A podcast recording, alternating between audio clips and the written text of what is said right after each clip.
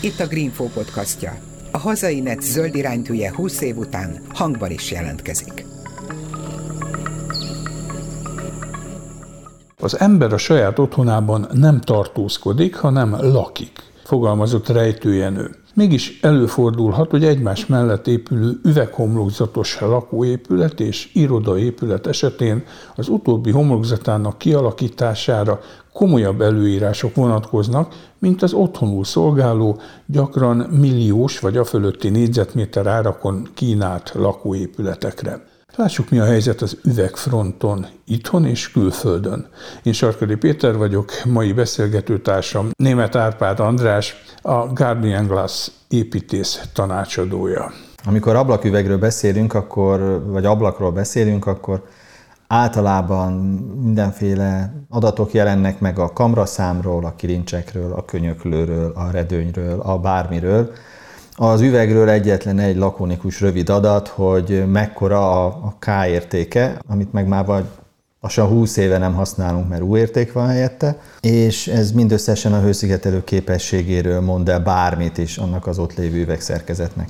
Amúgy az élet, mint általában kicsit igazságtalan, mert az üveg miután nem nagyon látszik, mert hogy átnézünk rajta, ezért egy kicsit úgy kiesik a beszéd témából, miközben körülbelül ugyanazokat a dolgokat várjuk el tőle, mint, mint mondjuk a faltól, mert hogy ne essen be rajta az eső, ne fújjon be a szél, ne jöjjenek be rajta emberek, ha nem akarjuk, hogy bejöjjenek, ne essünk ki rajta, szigetelje a hangot, szigetelje a meleget, mármint ne engedje ki a lakásból, de egyébként ne engedje a napmelegét sem túlzott mértékben, és egyébként meg jól is nézzen ki. Na most mindezekhez egy falnak is fel kellene kötni a felkötni valóját, az üvegnek pedig ebben a láthatatlan mi voltában kell ezeket a tulajdonságokat prezentálnia. Most amikor egy épület ablakozása, üvegezése megtörténik, akkor ez általában egy hosszadalmas tervezési folyamatnak egy kis része mindösszesen, és ez a kis rész, ez mégis hosszabb távon a teljes épület energiaháztartását befolyásolni fogja. És az energiaháztartás mellett, hogy hűtünk és fűtünk benne, felmerül még egy szempont, ez pedig a személyes komfortnak az érzése. Hol vannak már azok a régi szép idők, amikor 100 ezer forintért lehetett építeni egy négyzetméter lakást, most ennek a tízszerese sem. Hát, vagy 15-szöröse lassan.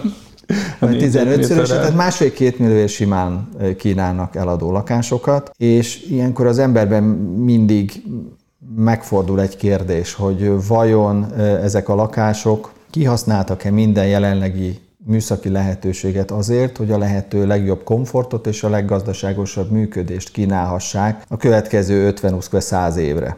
Azért mondok ilyen hatalmas időhorizontot, mert ahogy a magyarországi lakásállományt elnézzük, és ugye soha nem építettünk 40 ezer lakást egy évben, egyszer-kétszer megközelítettük az elmúlt 30 évben, de én azt gondolom, hogy az elmaradás jelentős, akkor a magyarországi lakásállomány száz éven tartása gyakorlatilag megvalósíthatatlan. Folyamatosan azt mondják a szakemberek, hogy iszonyatosan rossz energetikai állapotban van a hazai lakásállomány, és ehhez nem is tudom mennyi, 150 ezer lakást kéne talán évente Felújítani. energetikailag felújítani, hogy nem maradjunk le teljesen és ezzel iszonyatosan sok nemzetgazdasági szinten nagyon sok pénzt meg energiát lehetne megsporolni. De hát nem itt tartunk.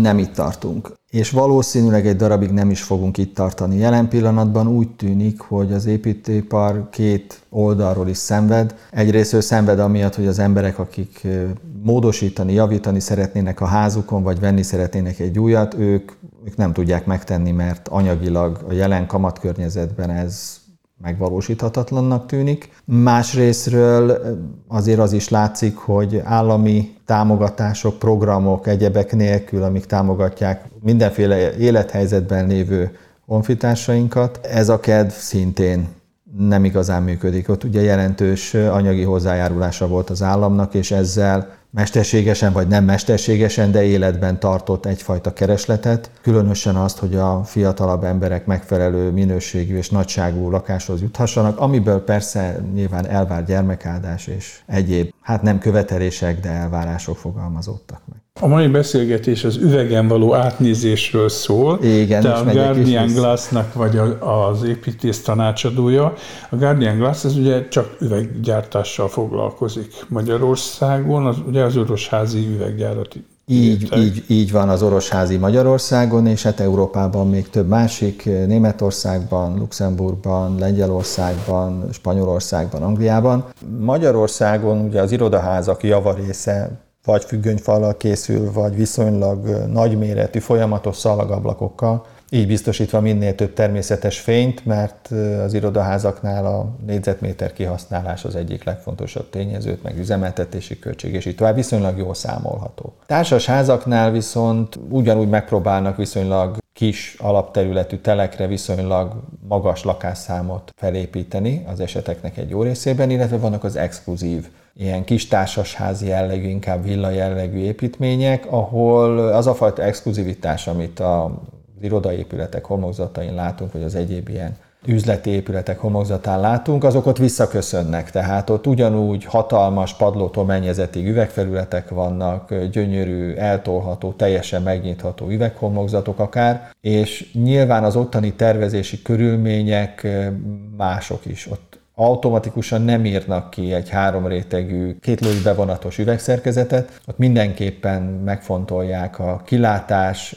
és a belső komfortnak a harmóniáját. Ugye az alapvető probléma mi szokott lenni? Nem a téli fűtés, mert ezek a házak már rendkívül jó hőszigetelő képességgel rendelkeznek. A legnagyobb feladat általában az épület nyári felmelegedésének a korlátozása lenne, ami Nyilván miután a nap energiája fényként is elér hozzánk, látható és nem látható tartományban, ez bizony a látható fény korlátozását is jelenti. Praktikusan Magyarországon ugye előszeretettel használnak redőnyöket ablakban, zsalúziákat és egyéb külső árnyékolókat nagyobb mezőkben. És akkor itt rögtön bontsuk is kétfelé ezt a dolgot, mert ugye gyakran van ez, a, ez az antagonisztikus ellentmondás, hogy redőny vagy napvédő üveg. Na most ez nem ilyen egyértelmű, tehát olyan ez, mint az élet, tehát semmi sem fekete-fehér, hanem minden egy kicsit szürke. Nem arról van szó, hogy július 24-től augusztus 14-ig eh, nem akarom leenge- akkor sem akarom leengedni a redőnyt, ha 44 fok van odakint, hanem arról van szó, hogy az év összes többi időszakában, amikor nem 40 fok van, hanem csak 25, komfortos, de a lakásomba bedől a meleg, akkor az viszont olyan lesz, mint egy üvegház, amit említettél Péter. És ilyenkor jön az, hogy a kettő kombinációja lenne az üdvözítő megoldás. Ez viszont már egy kicsit felhasználói oldalról való megközelítést igényel a beruházó részéről. Mert ennek egyrészt nyilván van egy többletköltsége, egyetlen egy bevonatot ki kell cserélni egy üvegszerkezetbe, tehát nem az egész üvegszerkezet más, egyetlen egy bevonat más az egyik üvegen. Tehát maga a költség nem írdatlan, de ott van. Akkor, amikor minden filléren spórolni szeretne a beruházó a profit maximalizálása miatt, akkor ez nyilván egy szempont lehet. A másik oldalról viszont azt, hogy ez az épület mit tud műszakilag, ez egy megkülönböztető, egy értéknövelő tény nem mindegy egy leendő lakónak, hogy milyen épületet vesz meg. Persze ehhez az kellene, hogy ezeket a tényeket kommunikálják az emberek, minden szereplő tisztában legyen ezekkel az értékekkel, és én csak azt nem tudom igazán, és ezt tényleg nem tudom, hogy azok a köztes szereplők, akik ebben mindösszesen anyagilag vesznek részt, ők vajon ezt hogyan tudják kezelni. Nyilván a beruházói oldalról azt kell mondani, hogy ilyet kell építeni, és punktum. Azért, mert ő az ő vevőinek, a leendő használónak ilyen paraméterekkel kínálja. És akkor a, ebben a láncban a többieknek nincs választási lehetőségük. Amikor ablaküvegről beszélünk, és mondjuk egy egyszerűbb társasházról, akkor az UG értéken kívül más értéket nem nagyon néznek, és feltesznek rá kívülre egy redőnyt. Ez egy megoldás. Ez azzal jár, hogy amikor úgy érzem, hogy már tavaszodik és elkezd melegedni az idő, akkor a redőnyöket leengedem félig, vagy teljesen, hogy ne melegedjen fel a lakás, mire este hazaérek. Ha home office-ban vagyok, akkor ez már kicsit kényelmetlenebb, vagy ha a feleségem otthon van a gyerekkel, aki ki akar nézni a lakásból, akkor ez már kényelmetlenebb, illetve ha olyan panorámán van, mert ez a ház ez véletlenül olyan helyen van, akkor meg végképp kényelmetlenné válik, már csak a komfort érzet miatt. Ennek egy alternatívája az, amikor nem sima két ló és három rétegű üveget teszünk be, hanem egy multifunkcionális üvegre cseréljük az egyik ló is üveglapot, és abban a pillanatban a bejövő napenergia mennyiségét egész évben egyébként korlátoztuk. Ezzel azt érhetjük el, hogy az évnek csak egy nagyon rövid időszakában kell elkövetnem azt, hogy leengedem a redőnyt, amikor kint amúgy is 40 fok van, és örülök, hogyha hazaértem és egy kicsit kidiheghetem magam. Míg az év java részében élvezhetem a panorámát, a belső természetes fényt, a növények nem halnak meg az ablakpárkányon, és így tovább. Tehát ez gyakorlatilag egy szűrő. Ez gyakorlatilag egy szűrő, és ugye az üvegeken lévő bevonatok nagyon trükkös kis szűrők, mert egyrészt nem nagyon látszanak. Tehát nehéz megmondani egy üvegről csak úgy, hogyha valaki nem ért hozzá, hogy ezen most van bevonat, vagy nincs. Régen volt ez gyakori kérdés is, hogy emberek kérdezték, most akkor van ezen lói bevonat, vagy nincs? Így utólag meg tudod mondani? Amúgy meg lehet, de az a kis gyertyalángos trükk, vagy öngyújtós trükk, az egy dolog. De nem feltétlenül ez a lényeg, hanem az, hogy azok a műszaki adatok, amit egy hőszigetelőüveg prezentálni tud, és amit egy redőny prezentálni tud, vagy egy árnyékoló prezentálni tud, ezek egy kicsit másfajta minőségben tudják ugyanezt. Én most arra gondoltam, de hát erre végül is most megadtad a választ, hogy, vagy én azt hittem, hogy ha van egy ilyen rétegem, szűrő rétegem, akkor nem kell a redőny. De a redőny nem feltétlenül kell. Tehát akár ki is válthatom ezzel a Igen. redőnyt, és akkor lehet, hogy árban ugyanott vagyok. Nem, az valószínűleg olcsóbb. Megmondom, hogy miért gondolom ezt, mert ez nem az én saját kutakodásom eredménye, hanem kollégáktól, mármint nyílászáros kollégáktól hallottam, nem a legegyszerűbb műanyagredőny, hanem az, ami már a szofisztikáltabb zsalúzia, tehát ezek a mozgólamellás holmik, ezek az ablak árának megközelítő részét képezik. Tehát simán közel meg lehet duplázni.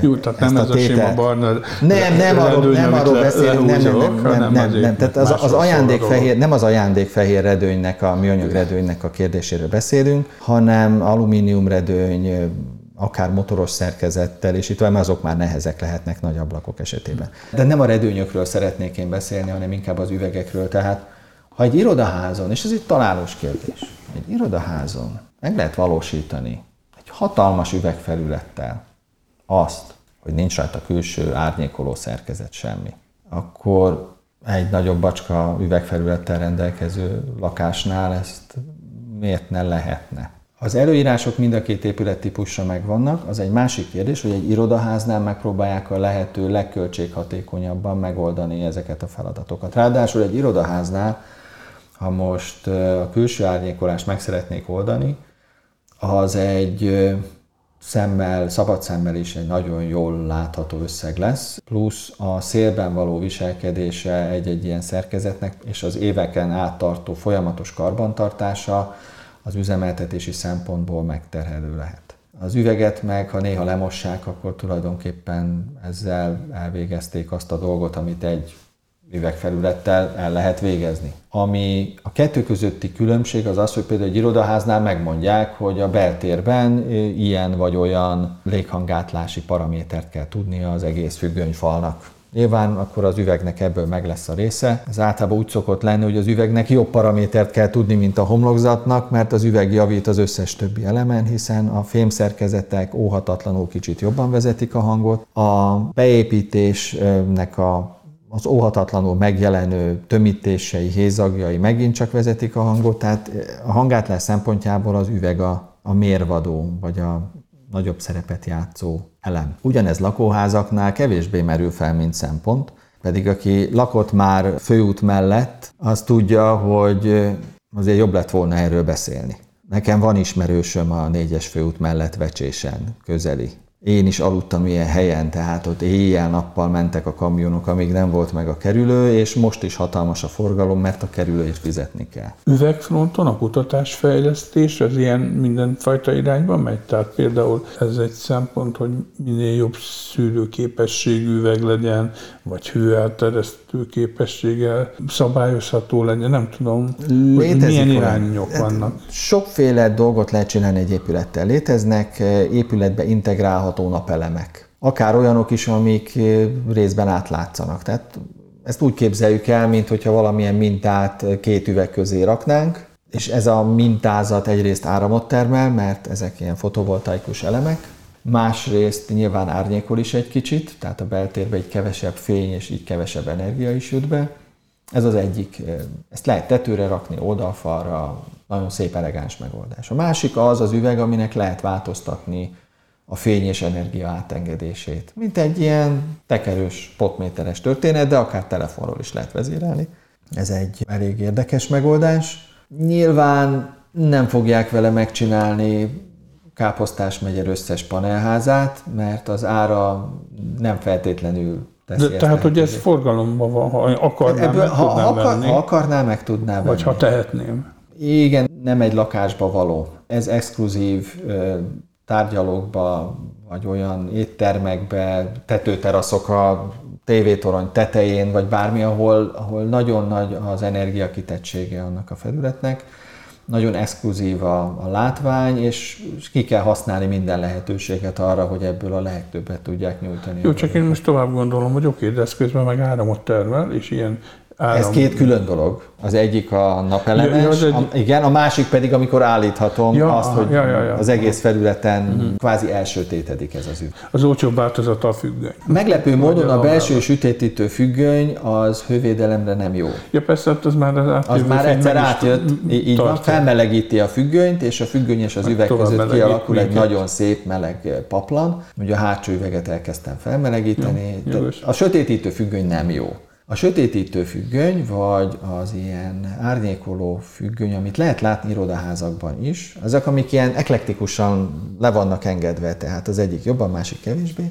Ez ilyen káprázásmentesítésre való, hogy a számítógépes munkahelyen a monitorból is uh-huh. lásson valamit a kolléga. Amúgy ez egy érdekes dolog, amikor a munkakörnyezet megteremtéséről van szó, tehát az irodaházaknál ez egy komoly feladat, hogy akár a természetes, akár a mesterséges megvilágítást hogyan tudják úgy szabályozni, nyilván a hőmérséklete mindennel együtt, hogy ez optimális legyen a terület lehető legnagyobb részén. Mondjuk engem ez a napelemes jobban érdekelne, mert hiszen ott van írdatlan mennyiségű üvegfelület a magyarországi épületeken, amiket hát aktívan fel lehetne energiatermelésre használni, és akkor mondjuk lehet, hogy nem a jó minőségi termőföldekre kellene kirakni a paneleket. Semmi jónak nem vagyunk az elrontója, tehát ezt igazából bárhova lehet szerelni. Én azt gondolom, hogy miután ez egy átlátszó változat, ugye a panelek nem érnek össze, hanem közöttük rés van, ez akár design elem is lehet. Tehát nem is kell az egész homlokzatot ebből csinálni, hanem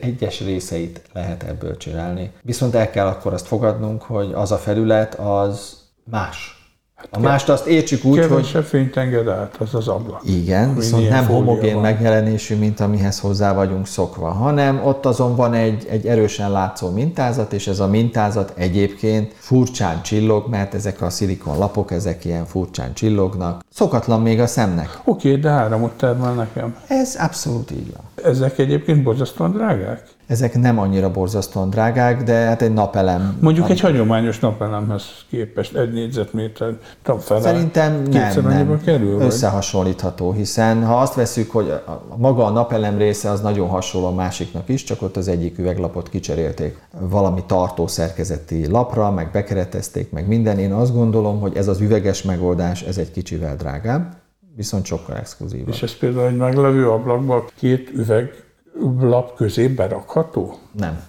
Vagy, nem, az, egész ablak szerke, az egész ablak szerkezetet ki kell cserélni, hmm. tehát ezt össze kell azért építeni. Illetve hát meg lehet azt csinálni, hogy a, egy ilyen külső héjként odaépítjük a meglévő felület elé, és akkor az ott lehet egy elem.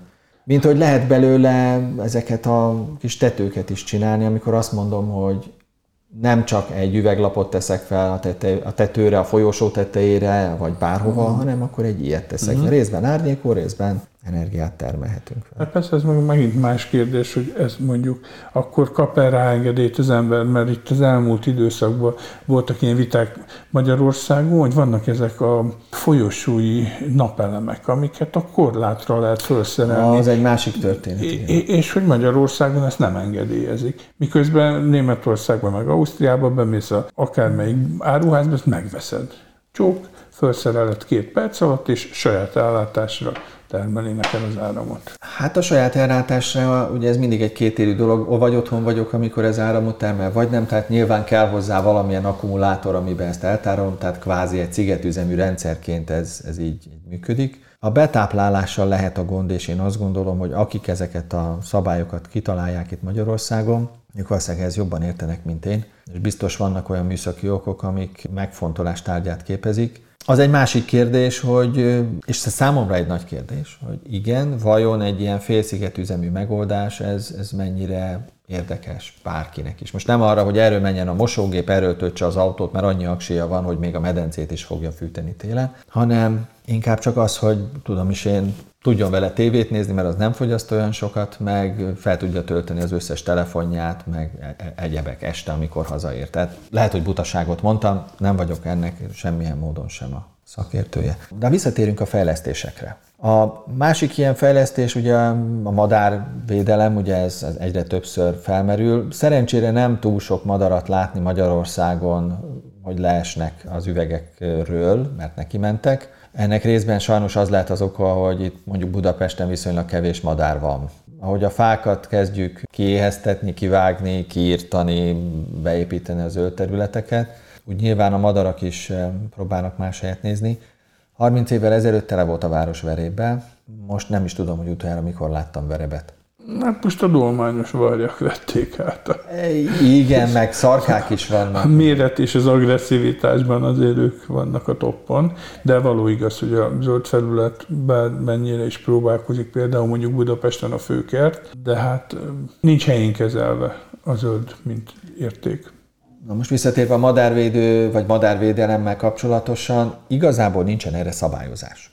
Tehát egész Európában nincsen erre egy olyan iránymutatás, szabvány, előírás, bármi, ami azt mondaná, hogy ha ezt meg ezt csináljuk, akkor, akkor a madarak úgy több nagyjából védve vannak. Laikusként csak annyit látok, hogy a nagy üvegfelületeken maximum ilyen ragadozó madár, fekete sziluetteket kiragasztanak, azt ennyi. Gyakorlatilag ennyi, és hogyha azt mondom neked, hogy a teszt, amivel a különböző megoldásokat tesztelik, az meg úgy néz ki, hogy egy ilyen alagútban, aminek a végén ott van egy ilyen ezzel a tesztel elkészített üveg, meg egy sima üveg, vagy egy ilyen szabadon lévő terület, igaz, nem szabadon lévő terület, akkor elengedik a madarakat, és megnézik, hogy hány koppant. Viccen kívül. Jó, van valami ott, hogy ne, ne pusztuljanak el, csak mert valami hálóval ezzel azzal igyekeznek megvédeni a, a, a madarakat, de valami ilyesmi a teszt. Tehát, hogy nincs, nincsenek is ilyen kutatások, hogy fejlesztési irányok, hogy, hogy akkor mit kéne van, kitalálni, van, hogy az üvegre van, mit kéne számtalan, rárakni? Számtalan van. Létezik ugye az üvegnek a valamilyen festékkel való megszitázása, tehát van rajta egy mintázat. Igen, a hát madár miért megy neki az üvegnek? A madár két dolog miatt megy neki az üvegnek. Az egyrészt, nem, az egyik, hogy csillog, e, mármint úgy csillog, hogy visszatükrözi hát, a hiszi, fákat meg az eget, nem, a fákat meg az eget visszatükrözi, és ő azt hiszi, hogy ott fa van meg ég, tehát repülhetünk neki. Ja, igen. A másik az, hogy nem tükröz vissza semmit, és olyan, mintha szabad tér lenne, és akkor meg azért megy neki. És ráadásul a madarak állítólag, megint csak nem vagyok ebben specialista, többféle spektrumban, fajonként többféle spektrumban jobban vagy kevésbé látnak. Tehát nagyon nehéz olyan megoldásokat találni, ami számunkra láthatatlan, de számukra látható. Ezért aztán marad az, hogy számunkra is látható, és akkor itt, itt jönnek azok a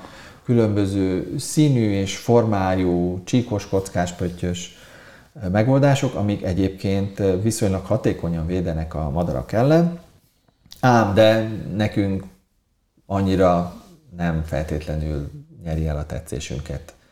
Van, akinek tetszik, van, akinek nem. Ez egy kicsit ilyen. Most a mi megoldásunk az egy, egy fóliával közös megoldás, amit az egyik fólia gyártóval közösen csinálunk. Ez egy mintás fólia egyébként, aminek egy olyan ilyen 3D effektes mintázata van, ami szemre annyira nem feltűnő, de a madarak meg nem nagyon akarnak neki menni, és erről van egészen hiteles vizsgálati eredmény is, hogy ez jól működik. Nyilván olyan bevonatot is kell választani hozzá, amivel ez működik. Tehát, hogyha egy nagyon erősen tükröződő bevonattal dolgoznánk itt, akkor maga a tükröződés elnyomja ennek a hálónak a, a megjelenését, és akkor nem csináltunk semmit. De alapvetően volt egy irányelv még régen, amit már hatályon kívül helyeztek talán tavaly ősszel.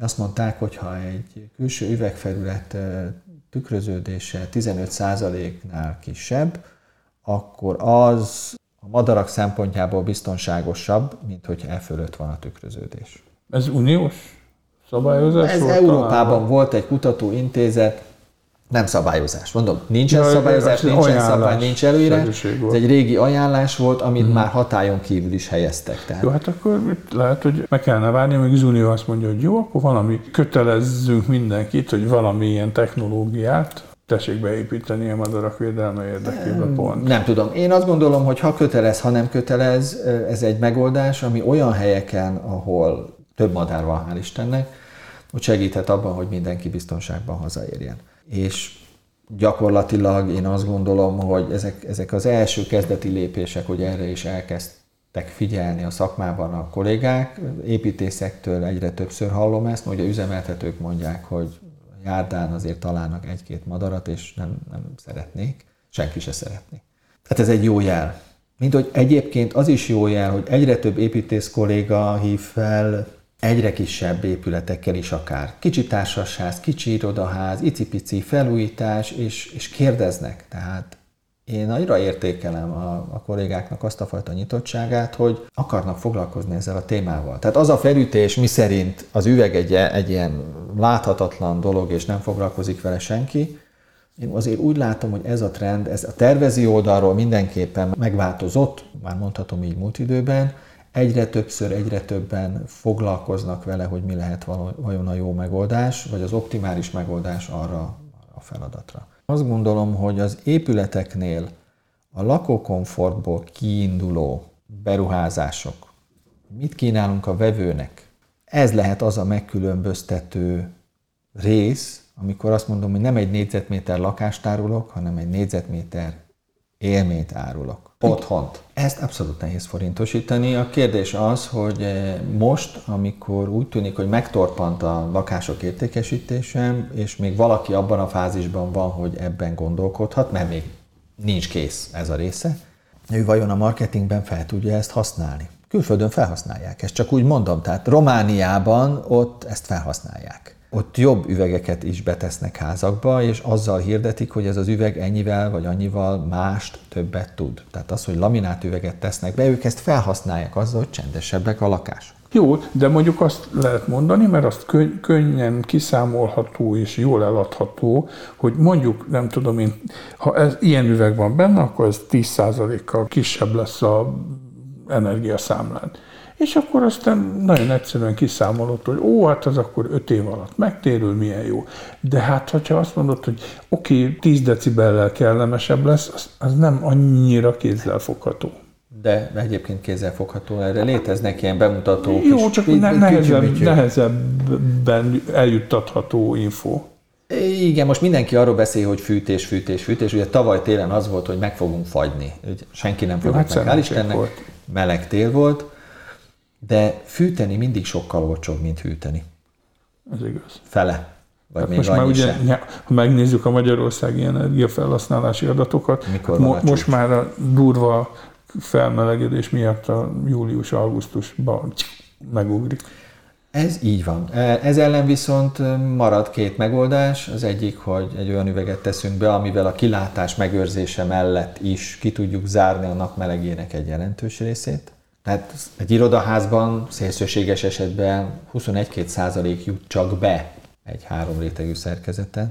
Egy családi házban egy sima, egyszerű, lói üveges felületen négyzetméterről beszélünk, tehát ezt négyzetméter arányosítani kell nyilván, és az ablak kisebb, mint az egész függönyfa, de ott akkor is bemegy ilyen 65 százalék környékén. Hát háromszor annyi durván. 60-65 százalék hát körül. 21 60. Igen. Hát mondjuk egy, egy csúcsot mondtam Jó, az elején, okay. tehát nem fel az Körül. összehasonlítás, de... Mondjuk két és félszer. Igen, mondjuk másfél, uh-huh. másfélszer annyi legalább bemegy. Uh-huh.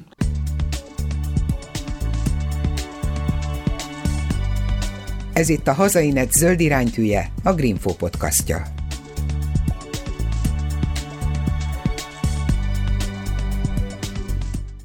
Picit az árakról, most nem is konkrétan, de ugye hát az üveggyártás az borzasztóan energiaigényes, földgáz alapon működik, hát azt láttuk, hogy a földgázárak hogyan szálltak el, már mondjuk az ipari szférában meg főleg. Ezzel gondolom, hogy az Orosházi Guardian is, meg hát a többi gyár is kínlódik.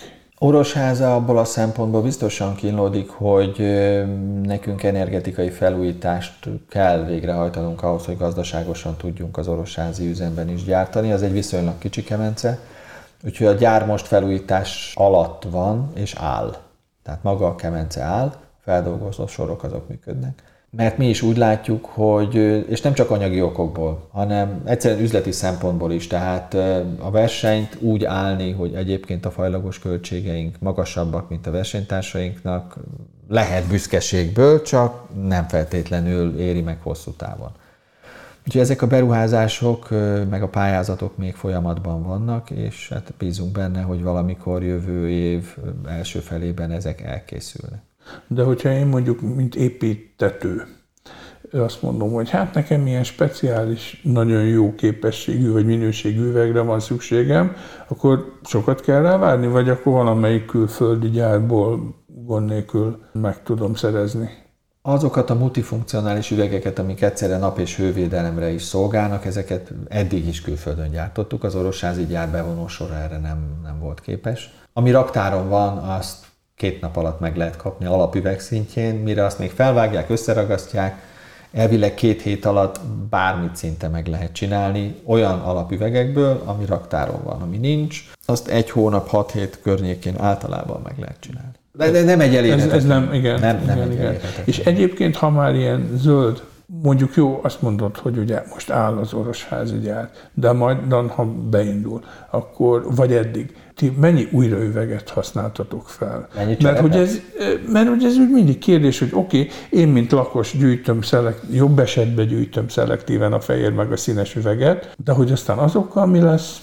Ez egy régi témánk a, a múltkori adásban is téma volt. Változatlanul ez a helyzet, hogy alapüveget, jó minőségi alapüveget, amit egyébként mindenki elvár az ablakába, azt jó minőségű alapanyagokból lehet készíteni. Ebbe beletartozik a homok, ne, a, homok, Nem, a homoktól elkezdve minden. Beletartozhatna a befőttes üveg is, hogyha annak a vegyi összetétele egyébként kompatibilis a másik üvegével. Mert például a Pirex üvegek, a Pirex üvegnek hívják ezek a hőálló üvegek, nem, mert azok, azok hibát okoznak az üvegben, ilyen csomók és szálak lesznek benne, más az alapanyaga. Ha jól tudom, akkor az öblös üvegnek is egy picit más a receptúrája, mert ott más megmunkálási fázisokon kell átmennie, és ahhoz kell alkalmazkodni ennek a, az alapanyagnak is. De egyébként igen, ezt nagyon jól közelíted meg. Önmagában az, hogy mennyi cserepet használunk fel az üveggyártás folyamán, és ennek milyen a minősége. Bocsánat, ez az energiahatékonyságot a cserép alatt akkor az üveggyártásban mit kell érteni? Üvegcserepet kell érteni. Ez a eltörsz egy ablaküveget, abból üvegcserép jó, lesz jó, azt. Okay. Nálunk egyébként van üveghegy, tehát én pontosan tudom, hogy a mesében hol tehát vagyunk az üveghegyen. Túl... Ablaküvegből lehet ablakot csinálni? Vagy ott sem mindegyikből? Azokból lehet, akár egy lói üvegből is lehet utána, mert nagyon vékony a bevonat rajta és azt a bevonatot nem lehet leszedni. És ez leég? Felolvasztják, csak elpárolog? Hát vagy? praktikusan egyfajta szennyeződésként fog nyilván jelentkezni, de igen, egy része, egy része elég, egy része nem. Egy lóüvegben ezüst van. Most egyre több helyen mindenhol cserélik a nyílászárókat. Igen. És irdatlan mennyiségű hulladék keletkezik. Igen. Hogy azoknak legalább az üveg részét akkor újra kéne hasznosítani, meg jobb esetben esetleg ami alumínium vagy fém van benne, bár mondjuk a régiekben az nincs, a régi klasszikusban csak üveg, meg 87-szer lefestett fa. Tehát, hogy ha, be, ha kapcsolt beréptokos ablakokra gondolsz régiek igen. alatt, igen, abban csak két-három millis üveg van, azt hiszem, milyen Igen, és akkor azt még esetleg használható. Igen, na most ez egy nagyon érdekes dolog. Párizsban van egy hatalmas toronyépület, aminek a felújításánál az volt a polgármester megkerülhetetlen kívánsága, kérése, javaslata, követelése, hívjuk, ahogy akarjuk, hogy a lehető legtöbb üveget újra kell hasznosítani. Nem is csak feltétlenül cserépként, hogy aztán beolvasztásra kerüljön, hanem egyéb más elemekbe is. Úgyhogy csináltak, ha jól emlékszem, például, vagy ez a terv, hogy egy részéből ilyen belső válaszfalak egyebek lesznek, de ha azt vesszük, hogy volt ott egy homlokzat, bizonyos méretű, színű, bevonatokkal ellátott üvegdarabokkal. Valószínűleg nem pont ugyanolyat szeretnénk, se méretbe, se színbe, se bevonatban. Tehát nagyon nehéz ezt az upcyclingnak nevezett dolgot megvalósítani, hogy legfeljebb újra szabom, megtisztítom és használom. Ezt nagyon nehéz bele megcsinálni. A recycling, amikor cserép készül, tehát a cserepet újraolvasztom és abból készül valami, ez sokszor egyszerűbb. De az anyagában színezett üvegekkel ugye már gondunk van, mert mi most átlátszó üveget szeretnénk. Mindenki olyan üveget szeretne, mint a, a vizes pohár, olyan fehéret. Hát a sörös-boros üvegek ez esetben nem zenélnek, meg a pesgős üvegek. Nem, semmi ilyesmi nem zenél, és egyébként én nagyon sajnálom, hogy az üvegvisszagyűjtés ennyire visszaépült, mert az, hogy néhány áruház előtt van egy ilyen icipici kis kuka, amiben bele lehet tenni. A, ami előtt egyébként tornyokba állnak a üvegek. És nem feltétlenül van külön színes és fehér. Én fájlalom, hogy ezeket a hulladékszigeteket elvitték, a lakótelepen nálunk is volt négy-öt helyen is, és mindegyiket, mert hogy hangos, mert hogy ilyen, mert hogy olyan. De most akkor hogyan gyűjtsünk vissza bármit Hát meg mi lesz vele? Ez egy Mert oké, okay, lehet gyűjteni, Van egy jó viszik valahova, és aztán hova? Van egy jó hírem. Ugye az egész üveges szakma dolgozik azon, hogy a lehető leggazdaságosabban gyártson. Ez akkor nyilván szól arról, hogy mennyi széndiokszidot építünk bele egy ilyen termékbe, mert hát a melegítéssel ezt tesszük. Tehát hány kiló széndiokszid van benne x, tudom, egy, egy tonna üvegben most. Nem biztos, hogy pont ez a mérőszám. Hát lábnyom.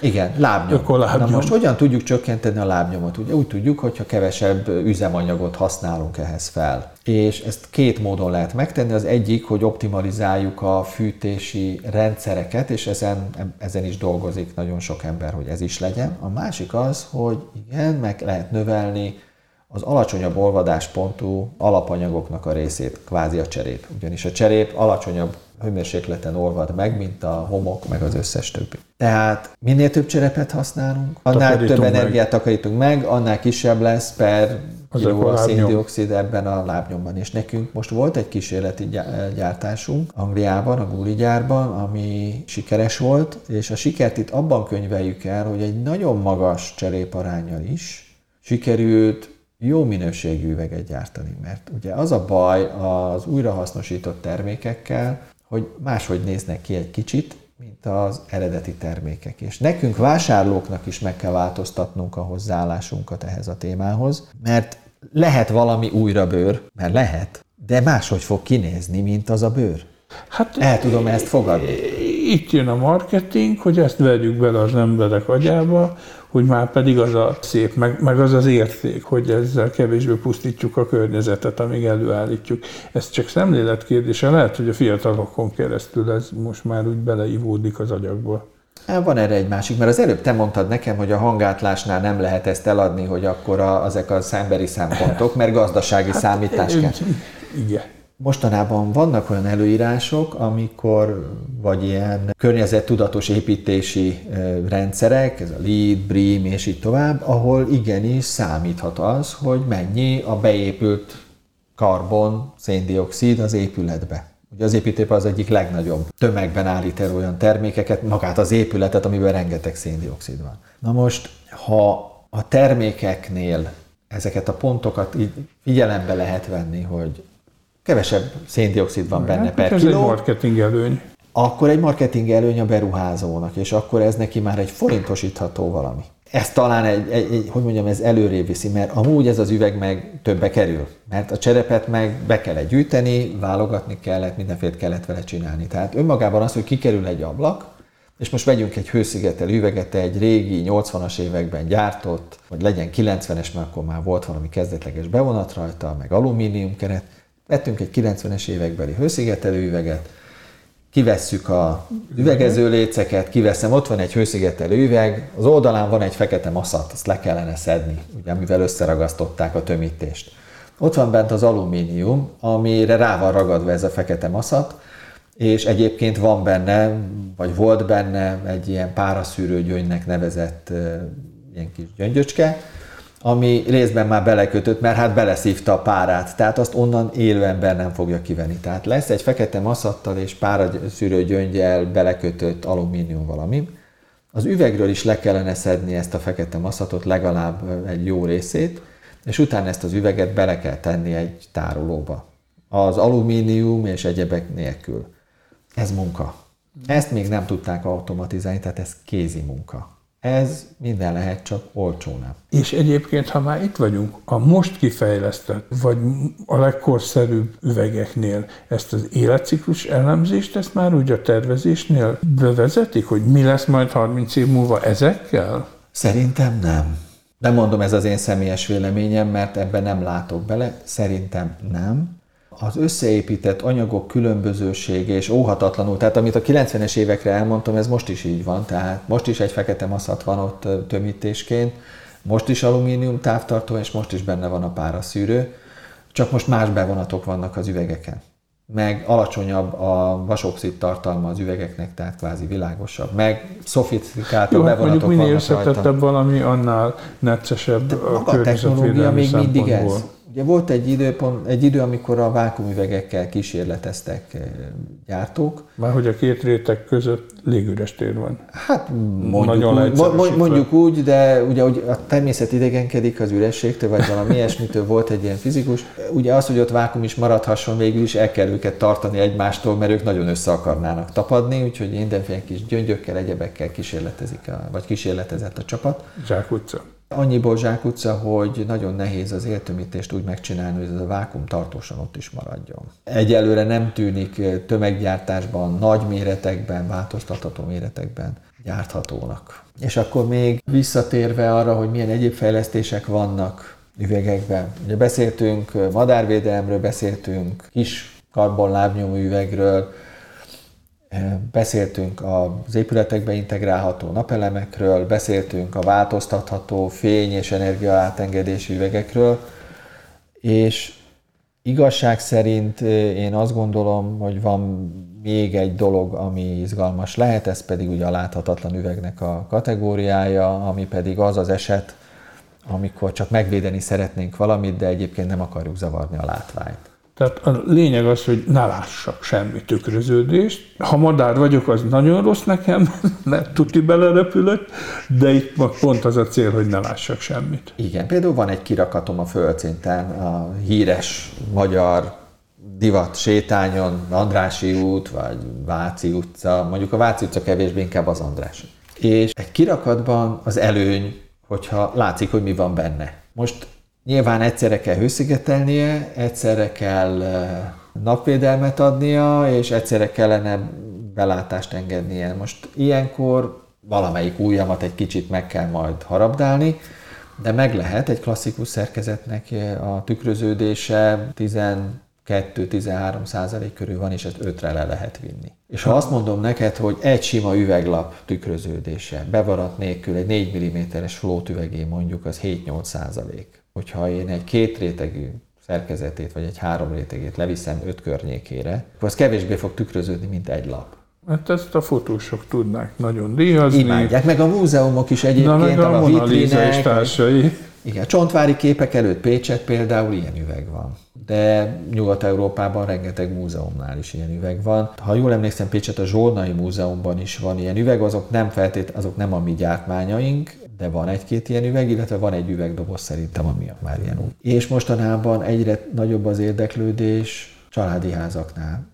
Mondjuk nem a 100 négyzetméteres kategória, és nem a pesti oldalon van. Tehát nyilván exkluzívabb a kilátás, és meg is értem, mert én is láttam képeket, hogy a teraszról mi a kilátás, és teljesen egyetértek a tulajdonossal, hogy ő ezt látni akarja. Minél többször, minél tovább. Oké, tehát hogy belülről ne legyen tükröződés. Így van. Tehát kívülről amikor... úgy minden úgyse néz ott be senki. Hát ez kívülről belülről. Igen. De kívülről belülről működik ez a hatás, tehát nagyon nehéz ezt máshogy csinálni, de ő azt szeretné, igen, hogyha hazamegy, és már szürkül, akkor odaül az üveg mögé, akkor továbbra is a tájat lássa, és nem magát. Árban is jó spéci? Vagy nem olyan vészes? Hát, de. Igen. Az a helyzet, hogy ezek egyrészt viszonylag kis tételben gyártott alapüvegek, másrészt van egy olyan tulajdonságuk, ami máshogy nem állítható elő. Ez a két dolog mindegyik egy irányba szokott mutatni, hogy ezek nem feltétlenül olcsók, de hát a Bugatti Veyron is viszonylag drága autó. Igen, és akkor ilyenkor például azt mondja a Louvre, vagy bármelyik múzeum, hogy nekem egy ekkora méretű kell ehhez a képhez, és akkor a Guardian Glass valamelyik gyárába legyártják azt úgy. Nem.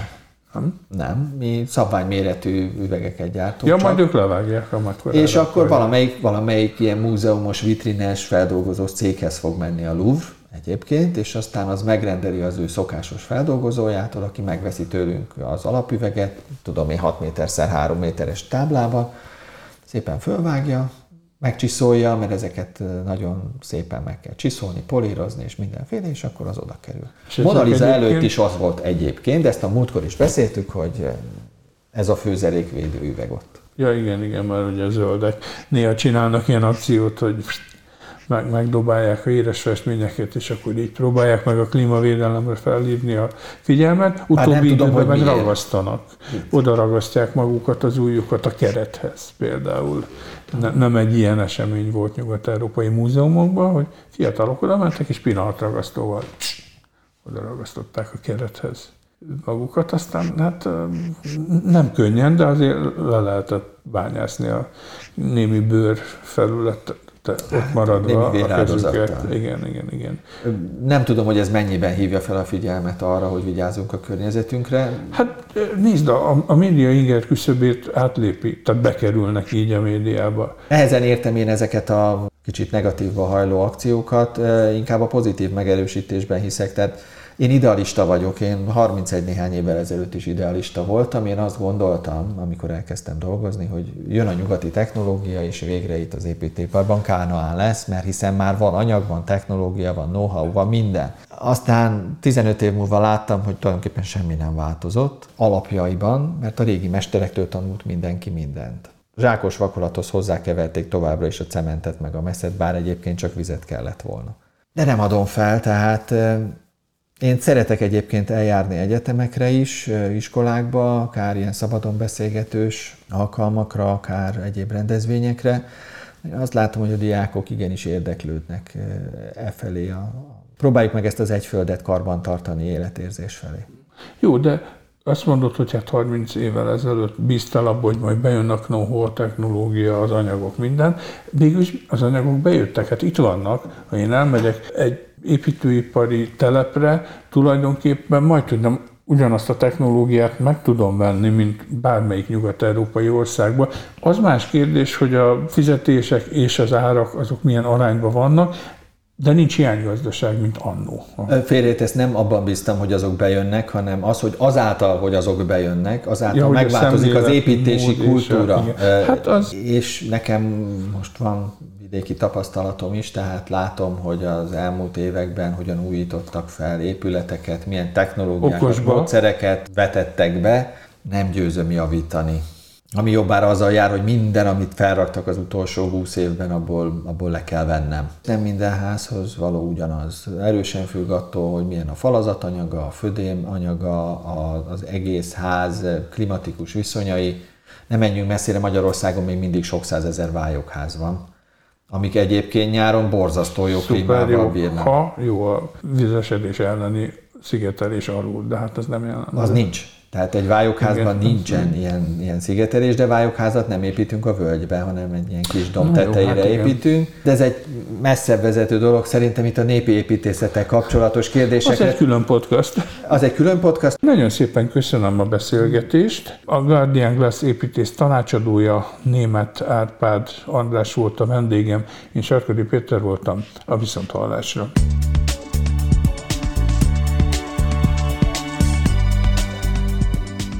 Önök a Greenfo podcastját hallották. Ha kíváncsiak a következő részekre is, iratkozzanak fel csatornánkra, például a SoundCloud-on, a Spotify-on vagy az Anchor különböző platformjain.